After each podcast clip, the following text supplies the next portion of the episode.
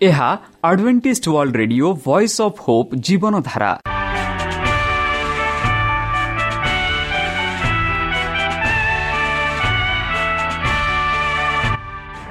Odia radio କାର୍ଯ୍ୟକ୍ରମ ଯାହା ଆମର ଆନ୍ତର୍ଜାତୀୟ ଆଘାତ କେନ୍ଦ୍ରରୁ ପ୍ରସାରଣ କରାଯାଉଛି ପ୍ରତିଦିନ ରାତି ନଅଟା ତିରିଶ ମିନିଟ୍ରେ। ମୁଁ ସୁବ୍ରତ କୁମାର ପତି ପ୍ରେମର ସହ ଆପଣମାନଙ୍କୁ ଏହି କାର୍ଯ୍ୟକ୍ରମକୁ ସ୍ୱାଗତ କରୁଅଛି। ଚାଲନ୍ତୁ ଆଜିର ତିରିଶ ମିନିଟ୍ର କାର୍ଯ୍ୟକ୍ରମ ବିଷୟରେ ଜାଣିନେବା। ପ୍ରଥମେ ରଖିଛୁ ଆଧ୍ୟାତ୍ମିକ ଭକ୍ତିମୟ ଗୀତ।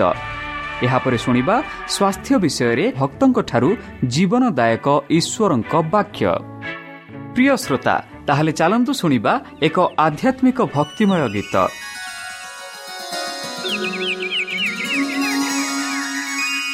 ଭଜରେ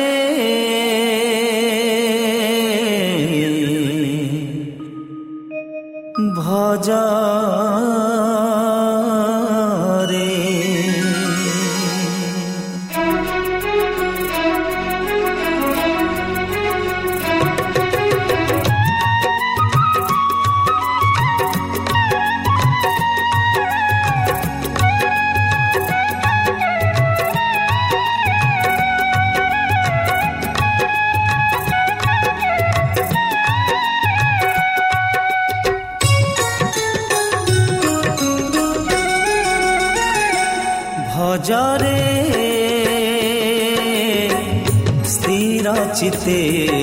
ଯିଶୁ ନାମ ଭଜରେ ସ୍ଥିର ଚିତେ ଯିଶୁ ସୀମାହୀନତାଙ୍କ ଦୟା କ୍ଷମା ପ୍ରେମ ସୀମାହୀନତାଙ୍କ ଦୟା କ୍ଷମା ପ୍ରେମ ମହିମାରେ ପରିପୂର୍ଣ୍ଣ। ଭଜରେ ସ୍ଥିର ଚିତେ ଯିଶୁ ନାମ। ଭଜରେ ସ୍ଥିର ଚିତେ ଯିଶୁ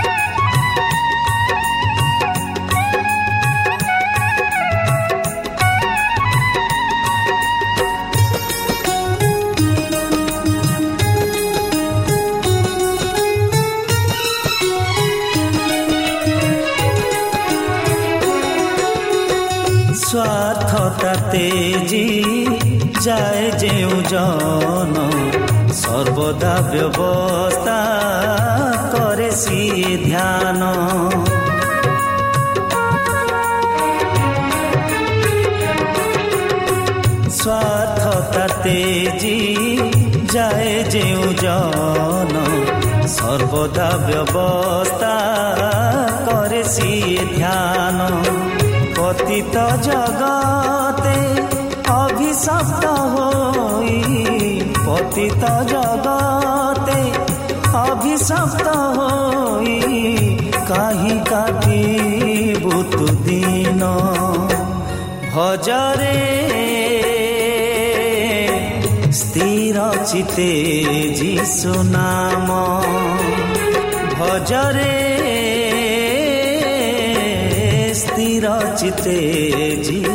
ଆମ ଠିକଣା Adventist Media Centre SDA Mission Compound Salisbury Park Pune ଚାରି ଏକ ଏକ ଶୂନ ତିନି ସାତ ମହାରାଷ୍ଟ୍ର ବା ଖୋଲନ୍ତୁ ଆମର ୱେବସାଇଟ୍ ଯେକୌଣସି Android phone smartphone desktop laptop କିମ୍ବା ଟ୍ୟାବ୍ଲେଟ୍ ଆମର website W W W dot A W R dot O R G slash O R I ଏବଂ W W W dot Adventist Media Centre India dot O R G ବର୍ତ୍ତମାନ ଚାଲନ୍ତୁ ଶୁଣିବା ଈଶ୍ୱରଙ୍କ ଭକ୍ତଙ୍କଠାରୁ ଈଶ୍ୱରଙ୍କ ଜୀବନଦାୟକ ବାକ୍ୟ ବ୍ୟବସ୍ଥା ଏବଂ ସୁସମାଚାର ଭାଗ ଏକ ନମସ୍କାର ପ୍ରିୟ ଶ୍ରୋତା ସେହି ସର୍ବଶକ୍ତି ସର୍ବଜ୍ଞାନୀ ପ୍ରେମର ସାଗର ଦୟାମୟ ଅନ୍ତର୍ଜମୀ ଅନୁଗ୍ରହ ପରମ ପିତାଙ୍କ ମଧୁର ନାମରେ ମୁଁ ପାଷ୍ଟର ପୂର୍ଣ୍ଣଚନ୍ଦ୍ର। ଆଉଥରେ ଆପଣମାନଙ୍କୁ ଏହି କାର୍ଯ୍ୟକ୍ରମରେ ସ୍ୱାଗତ କରୁଅଛି। ସେହି ସର୍ବଶକ୍ତି ପରମେଶ୍ୱର ଆପଣମାନଙ୍କୁ ଆଶୀର୍ବାଦ କରନ୍ତୁ। ଆପଣଙ୍କୁ ସମସ୍ତ ପ୍ରକାର ଦୁଃଖ କଷ୍ଟ ବାଧା କ୍ଲେଶ ଓ ରୋଗରୁ ଦୂରେଇ ରଖନ୍ତୁ। ଶତ୍ରୁ ସୟତାନ ହସ୍ତରୁ ସେ ଆପଣଙ୍କୁ ସୁରକ୍ଷାରେ ରଖନ୍ତୁ। ତାହାଙ୍କ ପ୍ରେମ ତାହାଙ୍କ ସ୍ନେହ ତାହାଙ୍କ କୃପା ତାହାଙ୍କ ଅନୁଗ୍ରହ ସଦାସର୍ବଦା ଆପଣଙ୍କଠାରେ ସହବର୍ତ୍ତୀ ରହୁ। ପ୍ରିୟସତା ଚାଲନ୍ତୁ ଆଜି ଆମ୍ଭେମାନେ କିଛି ସମୟ ପବିତ୍ର ଶାସ୍ତ୍ର ବାଇବଲଠୁ ତାହାଙ୍କ ଜୀବନଦାୟକ ବାକ୍ୟ ଧ୍ୟାନ କରିବା। ଆଜିର ଆଲୋଚନା ହେଉଛି ବ୍ୟବସ୍ଥା ଏବଂ ସୁସମାଚାର। ବନ୍ଧୁ ଆଜି ପୃଥିବୀ ଅପରାଧ ନିକଟରେ ଯୁଦ୍ଧରେ ହାରିଯାଉଅଛି ତୃଣ ବୟସ୍କମାନଙ୍କ ଅପରାଧ ଶୀର୍ଷ ସ୍ଥାନକୁ ଉଠୁଛି।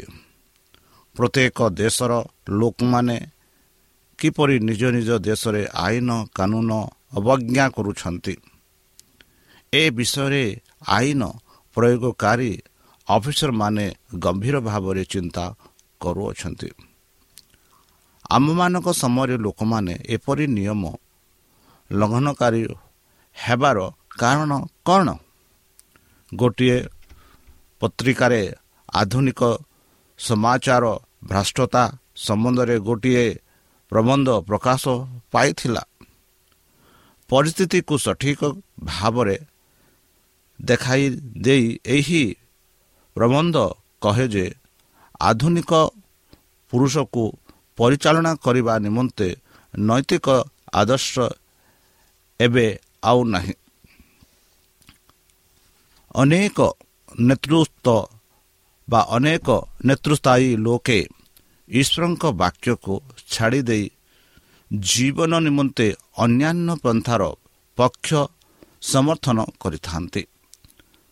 ଅନେକ ମଣ୍ଡଳୀ ଲୋକମାନଙ୍କୁ କହିଥାନ୍ତି ଯେ ଈଶ୍ୱରଙ୍କ ବ୍ୟବସ୍ଥା ଲୋପ ପାଇଅଛି ତେଣୁ ପୁରାତନ ଜୁଆଲିର ବନ୍ଧନ ସମ୍ବନ୍ଧରେ କାହିଁକି ଚିନ୍ତା କର? ଅନ୍ୟମାନେ କହନ୍ତି ଈଶ୍ୱରଙ୍କ ବ୍ୟବସ୍ଥା ପାଳନ କରିବା ଅସମ୍ଭବ। ତେଣୁ କାହିଁକି ଚେଷ୍ଟା କରିବ? ଯେଉଁ ବ୍ୟକ୍ତିମାନେ ଈଶ୍ୱରଙ୍କ ବ୍ୟବସ୍ଥାକୁ ନିଷ୍ଫଳ କରିବାକୁ ସମର୍ଥନ କରନ୍ତି ସେମାନେ ସଚୋଟ ହୋଇପାରନ୍ତି କିନ୍ତୁ ସେମାନଙ୍କ ଚିନ୍ତାଧାରା ଭ୍ରାନ୍ତିମୂଳକ ଯେତେବେଳେ ଆମ୍ଭେମାନେ ଠିକ୍ ଓ ଭୁଲର ମାନଦଣ୍ଡକୁ ଉଠାଇ ଦେଉ ଅଳ୍ପ ସମୟରେ ସମାଜ ସମାପ୍ତ ନୈତିକ ନୀତିରୁ ପତିତ ହୁଏ। କେତେକ ମଣ୍ଡଳୀ ଏପରି ଶିକ୍ଷା ଓ ପ୍ରଚାର କରିଥିବାରୁ ଆଜି ଆମ୍ଭେମାନେ ତାହାର ଫଳ ପାଉଅଛୁ। ଯେପରିକି ଗୀତ ଲେଖକ କହିଲେ ସଦାପ୍ରଭୁଙ୍କ କାର୍ଯ୍ୟ କରିବାର ସମୟ ଏହି। କାରଣ ଲୋକମାନେ ତୁମ୍ଭ ବ୍ୟବସ୍ଥା ବ୍ୟର୍ଥ କରିଅଛନ୍ତି। ଏହିପରି ଆମେ ଗୀତ ସଂହିତା ଏକଶହ ଉଣେଇଶ ଏକଶହ ଛବିଶରେ ପାଉଛୁ। ତାହେଲେ ବନ୍ଧୁ ଚାଲନ୍ତୁ ଆଜି ଆମେ ସେହି ବ୍ୟବସ୍ଥା ସେହି ସୁସମାଚାର ବିଷୟରେ ଆଲୋଚନା କରିବା। ବ୍ୟବସ୍ଥା ଓ ଅନୁଗ୍ରହ ସମ୍ପର୍କରେ ବାଇବଲ କିପରି ପରିଷ୍କାର ଭାବେ ଆମମାନଙ୍କୁ କହୁଅଛି ତାହା ଆମେ ଦେଖିବା। ପବିତ୍ର ବାଇବଲ କୁହେ ଏହିପରି ଗୀତ ସଂଗୀତା ଉଣେଇଶ ସାତରେ ଆମେ ପାଉଛୁ ଗୀତ ଲେଖକ। ଏହିପରି ପ୍ରଶଂସାରେ ସେ ଲେଖନ୍ତି କି ସଦାପ୍ରଭୁଙ୍କ ବ୍ୟବସ୍ଥା ସିଦ୍ଧ। ପ୍ରାଣର ସ୍ୱାସ୍ଥ୍ୟଜନକ। ବନ୍ଧୁ ଗୀତ ଲେଖକ ସ୍ପଷ୍ଟ ରୂପେ ଏମାନଙ୍କୁ ବୁଝାଇ କହୁଅଛନ୍ତି ସଦାପ୍ରଭୁଙ୍କ ବ୍ୟବସ୍ଥା ସିଦ୍ଧ। ଆଉ ପ୍ରାଣର ସ୍ୱାସ୍ଥ୍ୟଜନକ।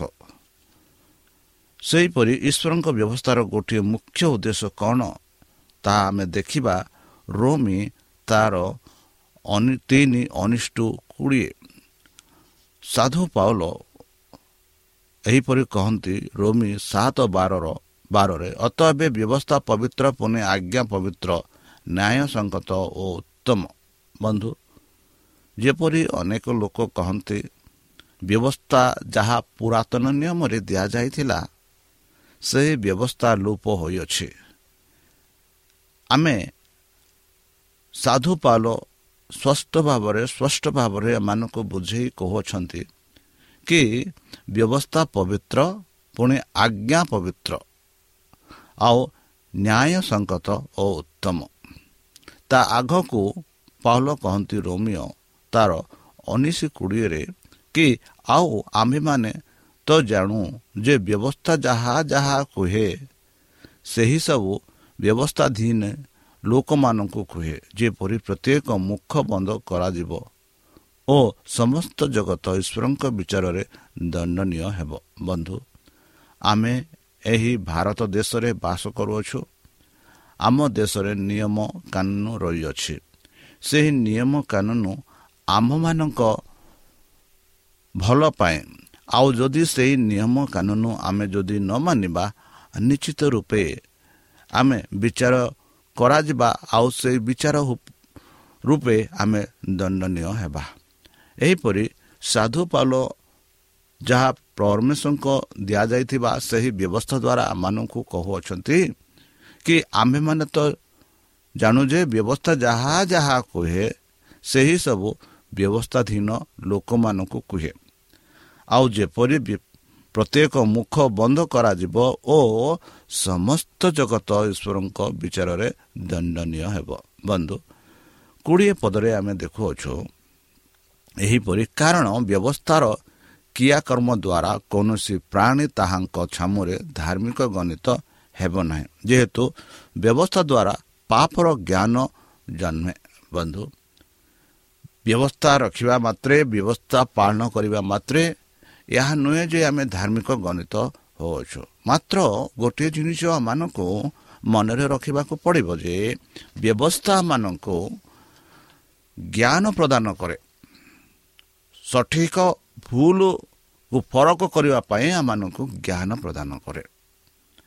ପରସ୍ପରକୁ ପ୍ରେମ କରିବା ପାଇଁ ଆମମାନଙ୍କୁ ଜ୍ଞାନ ପ୍ରଦାନ କରେ। ପରମେଶ୍ୱରଙ୍କୁ ପ୍ରେମ କରିବା ପାଇଁ ଜ୍ଞାନ ପ୍ରଦାନ କରେ। ଆମ ଦେଶରେ ଆମେ କିପରି ଏକ ଦାୟିତ୍ୱ ନାଗରିକ ରୂପେ ବାସ କରିପାରିବା ତାହା ରୂପେ ତାହା ପାଇଁ ଆମମାନଙ୍କୁ ବ୍ୟବସ୍ଥା ଜ୍ଞାନ ଦିଏ। ଆମ ଘରେ ଆମ ପରିବାରରେ ଆମମାନେ କିପରି ଆମ ପରିବାରକୁ ଚଲାଇବା ତାହା ବିଷୟରେ ବ୍ୟବସ୍ଥା ମାନଙ୍କୁ ଜ୍ଞାନ ପ୍ରଦାନ କରେ। ତାହା ନୁହେଁ ଅନେକ ଜିନିଷ ମାନଙ୍କୁ ପ୍ରଦାନ କରେ। ଯାହାଦ୍ୱାରା କି ଆମେ ସମାଜରେ ଏକ ସମସ୍ତ ଏକ ଦାୟିତ୍ୱ ବ୍ୟକ୍ତି ରୂପେ ଗଣନା କରାଯାଉ। ଯେପରି ରୋମିଓ ସାତ ସାତରେ ଆମେ ପାଉଛୁ ସାଧୁ ପାଲ କହନ୍ତି ଏହିପରି ତେବେ ଆମେମାନେ କ'ଣ କହିବା? ବ୍ୟବସ୍ଥା କ'ଣ ପାପ? ତାହା କେବେ ହେଉ ବରଂ ପାପ କ'ଣ ତାହା ବ୍ୟବସ୍ଥା ବିନା ମୁଁ ଜାଣିନଥାନ୍ତି। କାରଣ ଲୋଭ କର ନାହିଁ। ବ୍ୟବସ୍ଥା ଏହା କହି ନଥିଲେ ଲୋଭ କ'ଣ ତାହା ମୁଁ ଜାଣିନଥାନ୍ତି। ବନ୍ଧୁ ଏଠି ସାଧୁ ପାଲ ଆମମାନଙ୍କୁ ସ୍ପଷ୍ଟ ରୂପେ ବୁଝାଇ କହୁଅଛନ୍ତି କି ବ୍ୟବସ୍ଥା କ'ଣ ପାପ ନାହିଁ? ତା ଯଦି ହେବ ବ୍ୟବସ୍ଥା ଆମମାନଙ୍କୁ ଯେପରି ମୁଁ ଏହା ପୂର୍ବେ ଆମମାନଙ୍କୁ ଆପଣମାନଙ୍କୁ କହିଅଛି କି ବ୍ୟବସ୍ଥା ଆମମାନଙ୍କୁ ଜ୍ଞାନ ପ୍ରଦାନ କରେ। ଆଉ ସାଧୁ ପାଲ ସେ କହନ୍ତି ଯଦି ବ୍ୟବସ୍ଥା ଯଦି ମୁଁ ନ ଜାଣିଥାନ୍ତି ତାହେଲେ ପାପ କ'ଣ ତାହା ମୁଁ ନ ଜାଣିଥାନ୍ତି? ଉଦାହରଣ ଦେଇ ସେ କହନ୍ତି ଲୋଭ କର ନାହିଁ। ଏହା ବ୍ୟବସ୍ଥାରେ ଆମେ ପାଉଅଛୁ। ଯାହାକି ମୂର୍ତ୍ତି ପୂଜା କର ନାହିଁ ବା ଅତ୍ୟାଚାର କର ନାହିଁ। ବ୍ୟବିଚାର କର ନାହିଁ ମିଥ୍ୟା ସାକ୍ଷ୍ୟ ଦିଅ ନାହିଁ ଏହିପରି ବ୍ୟବସ୍ଥା ଆମମାନଙ୍କୁ ଏକ ଦର୍ପଣ ରୂପେ କହୁଅଛି ଆମେ ଜାଣୁଛୁ ଯଦି ଆମେ ହତ୍ୟାଚାର କରୁଛୁ ଯଦି ଆମେ ବ୍ୟବିଚାର କରୁଅଛୁ ଏହା ଆମ ରାଜନୀତି ଆମ ଦେଶର ନୈତିକ ଆମ ଦେଶର ନିୟମ ଅନୁସାରେ ଆମେ ଦେଖୁ ଏହା ଏକ ଭୁଲ ଆଉ ସେଇ ଭୁଲ କେଉଁଠୁ ଆମେ ପାଉଛୁ? ବ୍ୟବସ୍ଥା ଠାରୁ ବ୍ୟବସ୍ଥା ମାନଙ୍କୁ ଦେଖାଉଅଛି କି ତୁମେ ଏହା କର ନାହିଁ। ଲୋଭ କର ନାହିଁ ବ୍ୟବିଚାର କର ନାହିଁ ଚୋର କର ନାହିଁ ମିଥ୍ୟା ସାକ୍ଷ୍ୟ ଦିଅ ନାହିଁ ଏହିପରି ବା ଅନ୍ୟ ଲୋକଙ୍କର ସମ୍ପତ୍ତିକୁ ନିଜ ପାଇଁ କର ନାହିଁ ଏହିପରି ଅନେକ ଗୁଡ଼ାକ ଅଛି ଯାହା ବ୍ୟବସ୍ଥା ଦ୍ୱାରା ଆମେ ଜାଣିପାରୁଛୁ। ଆଉ ଏ ବ୍ୟବସ୍ଥା ଆମମାନଙ୍କୁ ସେହି ଧର୍ମ ପଥ ଯିବା ପାଇଁ ଆମମାନଙ୍କୁ ଶିକ୍ଷା ଦିଏ। ଆଉ ଏଥି କାରଣରୁ ପାଉଲ ସେ କହନ୍ତି ବ୍ୟବସ୍ଥା ବିନା ମୁଁ ଜାଣିନଥାନ୍ତି କାରଣ ଲୋଭ କର ନାହିଁ। ବ୍ୟବସ୍ଥା ଏହା କହିନଥିଲେ ଲୋଭ କ'ଣ ତାହା ମୁଁ ଜାଣିନଥାନ୍ତି ବନ୍ଧୁ ଯେପରି ଆମେ ଯାତ୍ରା ପୁସ୍ତକ କୋଡ଼ିଏ ସତରରେ ଆମେ ଦେଖାଉଛୁ ଆମ୍ଭେ ଆପଣା ପ୍ରତିବାସୀର ଗୃହକୁ ଲୋଭ କରିବ ନାହିଁ। ବା ତୁମ୍ଭେ ଆପଣା ପ୍ରତିବାସୀର ଗୃହକୁ ଲୋଭ କରିବ ନାହିଁ ତୁମ୍ଭେ ଆପଣା ପ୍ରତିବାସୀର ଭାର୍ଯ୍ୟା କି ଦାସ କି ଦାସୀ କି ତାହାର ଗୋରୁ କି ଗଧ କି ତୁମ୍ଭ ପ୍ରତିବାସୀର କୌଣସି ବସ୍ତୁକୁ ଲୋଭ କରିବ ନାହିଁ ବୋଲି ବ୍ୟବସ୍ଥାମାନଙ୍କୁ କହୁଅଛି ଆଉ ଆମ ଦେଶର ନିୟମ ବି ଏହା କହୁଅଛି ତାହେଲେ ବ୍ୟବସ୍ଥା ଦ୍ୱାରା ଆମେ ଜାଣିପାରୁଛୁ କି ଏହା? ଭୁଲ କାମ। ଯଦି ଆମେ ଆମ ପ୍ରତିବାସୀର ଗୃହର ଗୃହକୁ ଲୋଭ କରିବା ଯଦି ଆମେ ଆମ ପ୍ରତିବାସୀର ଭାର୍ଯ୍ୟାକୁ ଅନ୍ୟ ଆକାରରେ ଦେଖିବା ବା ତାଙ୍କ ଦାସ ଦାସୀ ବା ତାଙ୍କର ଗୋରୁ କି ଗଧ କି ଯେକୌଣସି ବସ୍ତୁକୁ ଯଦି ଆମେ ଲୋଭ କରିବା ତାହା ପାପ ବୋଲି ଆମମାନଙ୍କୁ ବ୍ୟବସ୍ଥା କହୁଅଛେ ଯାତ୍ରା ପୁସ୍ତକ କୋଡ଼ିଏ ତିନି ଟୁ ସତରରେ ଆମେ ପାଉଛୁ। ସେଠି ଶୁଦ୍ଧ ଷଷ୍ଠ ଭାବରେ ଆମେ ପାଉଅଛୁ ଏହିପରି ଆମ୍ଭ ସାକ୍ଷାତର ତୁମର ଆଉ କୌଣସି ଦେବତା ହେବ ନାହିଁ। ତୁମ୍ଭେ ଆପଣା ନିମନ୍ତେ କୌଣସି ଖୋଦିତ ପ୍ରତିମା ନିର୍ମାଣ କରିବ ନାହିଁ। କି ଉପସ୍ଥିତ ସ୍ୱର୍ଗରେ କି ନିଚସ୍ତ ପୃଥିବୀରେ କି ପୃଥିବୀର ନିଚସ୍ତ ଜଳରେ ଥିବା କୌଣସି ବସ୍ତୁର ପ୍ରତିମୂର୍ତ୍ତି ନିର୍ମାଣ କରିବ ନାହିଁ। ତୁମ୍ଭେ ସେମାନଙ୍କୁ ପ୍ରମାଣ କରିବ ନାହିଁ କି ସେମାନଙ୍କ ସେବା କରିବ ନାହିଁ। ଯେହେତୁ ଆମ୍ଭେ ତୁମର ସଦାପ୍ରଭୁ ପରମେଶ୍ୱର। ସ୍ୱଗୌରବ ରକ୍ଷଣରେ ଉଦ୍ୟୋଗୀ ପରମେଶ୍ୱର ଅଟୁ। ବନ୍ଧୁ କେଡ଼େ ସୁନ୍ଦର ଭାବରେ ପରମେଶ୍ୱର କହନ୍ତି ମୁଁ ସେହି ପରମେଶ୍ୱର। ମୁଁ ତୁମମାନଙ୍କୁ ସୃଷ୍ଟି କରିଅଛି। ମୁଁ ତୁମମାନଙ୍କୁ ସବୁକିଛି ପ୍ରଦାନ କରୁଅଛି। ଆଉ ମୋତେ ହିଁ ତୁମେ ମୋତେ ହିଁ ତୁମେ ତୁମର ପ୍ରାର୍ଥନା ବା ତୁମର ପୂଜା ମୋତେ ହିଁ କର। ଅନ୍ୟ ଦେବତାକୁ ପ୍ରମାଣ କର ନାହିଁ ବୋଲି ପରମେଶ୍ୱର କହୁଛନ୍ତି। କାରଣ ସେ ବି ଦିଅନ୍ତି କି ନିଶ୍ଚିତ ପୃଥିବୀର ଯେକୌଣସି ବସ୍ତୁ ଅଛେ ଯେକୌଣସି ବସ୍ତୁ ସେଇ ବସ୍ତୁକୁ ତୁମେ ପ୍ରମାଣ କରନି ବୋଲି ବା ସେମାନଙ୍କୁ ମାନନି ବୋଲି ପରମେଶ୍ୱର କହୁଅଛନ୍ତି।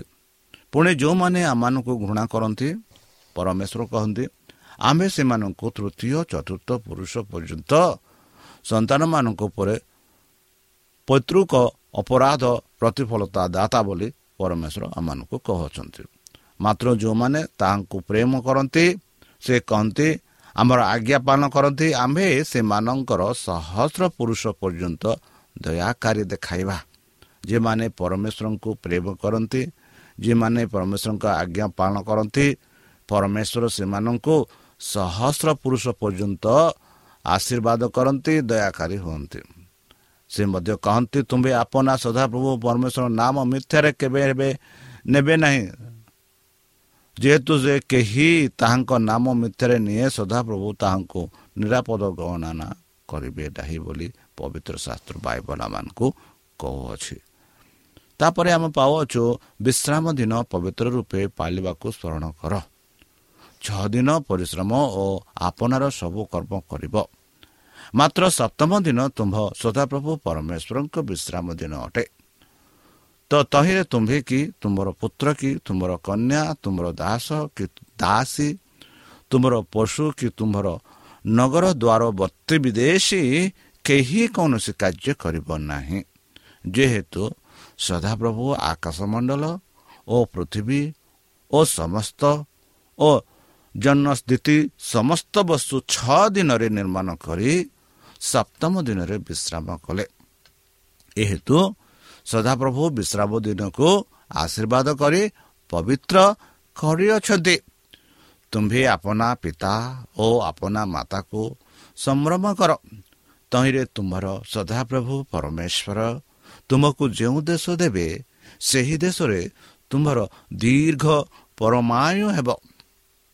ତୁମ୍ଭେ ନରହତ୍ୟା କର ନାହିଁ ତୁମ୍ଭେ ବ୍ୟବିଚାର କରିବ ନାହିଁ ତୁମ୍ଭେ ଚୋରି କରିବ ନାହିଁ ତୁମ୍ଭେ ଆପନା ପ୍ରତିବାସୀ ବିରୁଦ୍ଧରେ ମିଥ୍ୟା ସାକ୍ଷା ଦେବ ନାହିଁ ତୁମ୍ଭେ ଆପନା ପ୍ରତିବାସୀର ଗୃହକୁ ଲୋଭ କରିବ ନାହିଁ ତୁମ୍ଭେ ଆପନା ପ୍ରତିବାସୀର ଭାର୍ଯ୍ୟା କି ଦାସ କି ଦାସୀ କି ତାହାର ଗୋରୁ କି ଗଧ କି ତୁମ୍ଭ ପ୍ରତିବାସୀର କୌଣସି ବସ୍ତୁକୁ ଲୋଭ କରିବ ନାହିଁ। ବନ୍ଧୁ ଏହା ହେଉଛି ଦଶ ଆଜ୍ଞା।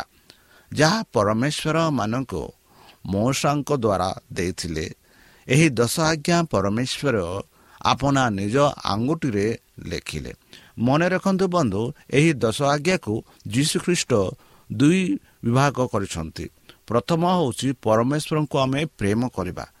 ସେହି ପରମେଶ୍ୱରଙ୍କ ପ୍ରେମକୁ ଆମେ ଦେଖୁଅଛୁ ଏହି ପ୍ରଥମଠୁ ଚଉଦ ଚତୁର୍ଥ ଆଜ୍ଞା ପର୍ଯ୍ୟନ୍ତ।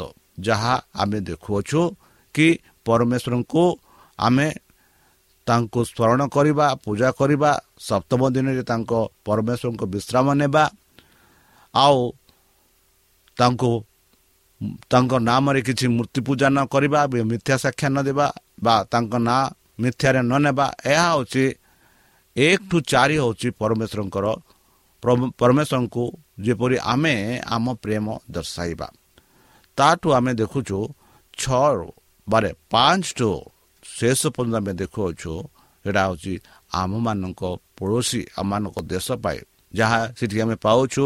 ପ୍ରଥମରେ ପିତାମାତା ଦ୍ୱିତୀୟରେ ଆମ ନିଜ ପ୍ରତିବାସୀର ନର ହତ୍ୟା ନ କରିବା ବା ଅନ୍ୟଙ୍କ ହତ୍ୟା ନ କରିବା ବ୍ୟବିଚାରଣ କରିବା ଚୋରି ନ କରିବା ପ୍ରତିବାସୀର ବିରୁଦ୍ଧରେ ମିଥ୍ୟା ସାକ୍ଷା ନ ଦେବା ତାହା ମଧ୍ୟ ଲୋଭ ନ କରିବା ବିଷୟରେ ଏମାନଙ୍କୁ କହୁଅଛି।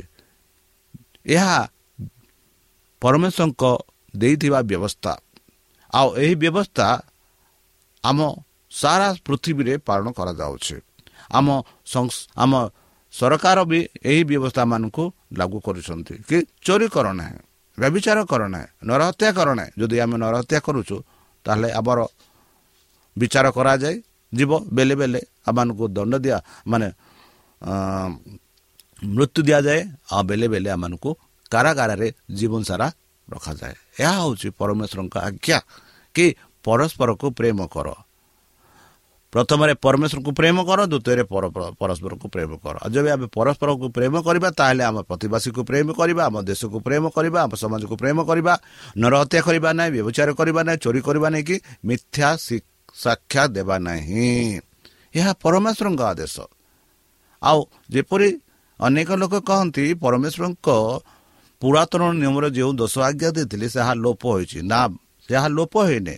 ଏହା ବର୍ତ୍ତମାନ ଚାଲିଛି ଆଉ ସଦାପ୍ରଭୁ ଏହାମାନଙ୍କୁ ଦେଇଛନ୍ତି। ଯେପରିକି ଆମେ ନୂତନ ନିୟମରେ ଦେଖୁଛୁ ନିକୋଦିମସ। ସଦାପ୍ରଭୁ ପରମେଶ୍ୱରଙ୍କୁ ପଚାରିଲେ ସେ ଏମିତି ସମୟରେ ଆସିଲେ ଯେପରି ତାଙ୍କୁ କେହି ବି ଦେଖିପାରିବେନି ଆଉ ନିକୋଦିମସ ଏହିପରି ପଚାରିଲେ ଯାହା ଯଦି ଆମେ ଜହନ ତିନି ଚାରିରେ ପଢ଼ିବା ସେଥିରେ ଯାଉଛି ସେଠି ଆମେ ପାଉଛୁ ନିକଦିମ ତାହାଙ୍କୁ ପଚାରିଲେ ବୃଦ୍ଧ ହେଲେ ମଣିଷ କି ପ୍ରକାର ଜନ୍ମ ହୋଇପାରେ? ସେ କ'ଣ ଦ୍ୱିତୀୟ ଥର ଆପଣା ମାତାର ଗର୍ଭରେ ପ୍ରବେଶ କରି ଜନ୍ମ ହୋଇପାରେ? କାରଣ ବ୍ୟବସ୍ଥା କ୍ରୋଧଜନକ। ଜଣାଏ କିନ୍ତୁ ଯେଉଁଠାରେ ବ୍ୟବସ୍ଥା ନାହିଁ ସେଠାରେ ବ୍ୟବସ୍ଥା ଲଙ୍ଘନ ମଧ୍ୟ ନାହିଁ। ବନ୍ଧୁ ନିକଦିମ ପଚାରିଲେ ଯେବେ ଯୀଶୁଖ୍ରୀଷ୍ଟ ସେମାନେ ନିକଦିମସ କହିଲେ ତୁମେ ପୁନର୍ଜନ୍ମ ହେବାକୁ ପଢ଼ିବେ ପଡ଼ିବ ଆଉ ନିକୋଡିମସ୍ ଏହି କଥାର ଅର୍ଥ ବୁଝିପାରିଲେ ନାହିଁ। ଆଉ ନିକୋଦିମ ପରମେଶ୍ୱରଙ୍କୁ ପଚାରିଲେ ପ୍ରଭୁ ମୁଁ ବୃଦ୍ଧ ହୋଇସାରିଛି। ଆଉ ମୁଁ କିପରି ଆପଣା ମାତା ଗର୍ଭ ବିଷୟରେ ଗର୍ଭ ଭିତରେ ପ୍ରବେଶ ହୋଇ ଆଉ ଥରେ ମୁଁ ଜନ୍ମ ନେବି? ଏହିପରି ସେ ପ୍ରଶ୍ନ କରିଥିଲେ। ଆଉ ସେ ପ୍ରଶ୍ନର ଉତ୍ତର ପରମେଶ୍ୱର ଭଲ ଭାବରେ ଜବାବ ଦେଇଛନ୍ତି। ବନ୍ଧୁ ବ୍ୟବସ୍ଥା। ଯାହାକି ପରମେଶ୍ୱରଙ୍କ ଦ୍ୱାରା ଦିଆଯାଇଅଛି ସେହି ବ୍ୟବସ୍ଥା ଆମମାନଙ୍କ ପାଇଁ ଦିଆଯାଇଅଛି। ଯେପରି ଆମେ ତାହାଙ୍କ ବ୍ୟବସ୍ଥା ଦ୍ୱାରା ଜ୍ଞାନ ଲାଭ ହୋଇପାରିବା ପରମେଶ୍ୱରଙ୍କ ସମ୍ମୁଖରେ ଧାର୍ମିକ ଗଣନା ହୋଇପାରିବା। ମନେ ରଖନ୍ତୁ ବ୍ୟବସ୍ଥା ରଖିଲା ମାତ୍ରେ ଆପଣ ଧାର୍ମିକ ଗଣନା କରାଯିବ। ଏହା ନୁହେଁ ଯେତେ ପର୍ଯ୍ୟନ୍ତ ଯେ ସେ ବ୍ୟବସ୍ଥା ଦେଇଅଛନ୍ତି ତାହାଙ୍କୁ ଆମେ ଯଦି ନିଜକୁ ସମର୍ପଣ କରି ତାଙ୍କ ଆରାଧନା କରିବା ନିଶ୍ଚିତ ରୂପେ ତାଙ୍କ ସମ୍ମୁଖରେ ଆମେ ଧାର୍ମିକ ଗଣନା କରାଯିବା। ତାହେଲେ ଚାଲନ୍ତୁ ନିଜକୁ ସମର୍ପଣ କରି ତାହାଙ୍କ ମଧୁର ନାମରେ ପ୍ରାର୍ଥନା କରିବା ଯେପରି ରୋମିଓ ଚାରି ପନ୍ଦରରେ କହୁଅଛି କାରଣ ବ୍ୟବସ୍ଥା କ୍ରୋଧ ଜନ୍ମାଏ କିନ୍ତୁ ଯେଉଁଠାରେ ବ୍ୟବସ୍ଥା ନାହିଁ ସେଠାରେ ବ୍ୟବସ୍ଥା ଲଙ୍ଘନ ମଧ୍ୟ ନାହିଁ। ବନ୍ଧୁ ଏହା ମନେ ରଖନ୍ତୁ କି ପରମେଶ୍ୱର ସେହି ବ୍ୟବସ୍ଥା ଦାତା ଆଉ ସେ ବ୍ୟବସ୍ଥା ମାନଙ୍କୁ ଦେଇଅଛନ୍ତି ଯେପରିକି ସେହି ବ୍ୟବସ୍ଥା ଦ୍ୱାରା ଆମେ ସଠିକ ଭୁଲ ଜାଣିପାରିବା ଆଉ ପରମେଶ୍ୱରଙ୍କ ସୁସମାଚାର ବିଷୟରେ ଆମେ ଜାଣିପାରିବା। ଚାଲନ୍ତୁ ତାହେଲେ ଆମେ ନିଜକୁ ସମର୍ପଣ କରି ତାହାଙ୍କ ମଧୁର ନାମରେ ପ୍ରାର୍ଥନା ଉତ୍ସର୍ଗ କରିବା। ଧନ୍ୟବାଦ କରୁଛୁ ପ୍ରଭୁ ବର୍ତ୍ତମାନ ଯେଉଁ ବାକ୍ୟ ତୁମ ସେ ଭକ୍ତମାନଙ୍କୁ ଶୁଣାଇଲେ ସେହି ବାକ୍ୟ ଅନୁସାରେ ଏମାନଙ୍କୁ ଚାଲିବା ପାଇଁ ବୁଦ୍ଧିରେ ଜ୍ଞାନରେ ଶକ୍ତିରେ ପରିପୂର୍ଣ୍ଣ କର। ଆମ ପାପ ସବୁ ତୁମ ସେହି ବହୁମୂଲ୍ୟ ରକ୍ତରେ ପରିଷ୍କାର ରୂପେ ଧୋଇଦିଅ। ଆଉ ପରିଶେଷ ଯେବେ ତୁମେ ତୁମ ସେହି ସହସ୍ରଦୂତଙ୍କ ସହ ଆସିବେ ଆପଣା ସାଧୁମାନଙ୍କୁ ସଂଗ୍ରହ କରିବା ନିମନ୍ତେ ସେତେବେଳେ ଆମମାନଙ୍କୁ ଏକ ଭାଷ ସ୍ଥାନ ଦିଅ ବୋଲି ତ୍ରାଣକର୍ତ୍ତା ପ୍ରଭୁ ଯୀଶୁଙ୍କ ମଧୁରମୟ ନାମରେ ଏହି ଛୋଟ ବିକ୍ଷମା ଅଛୁ ଶୁଣି ଗ୍ରହଣ କର।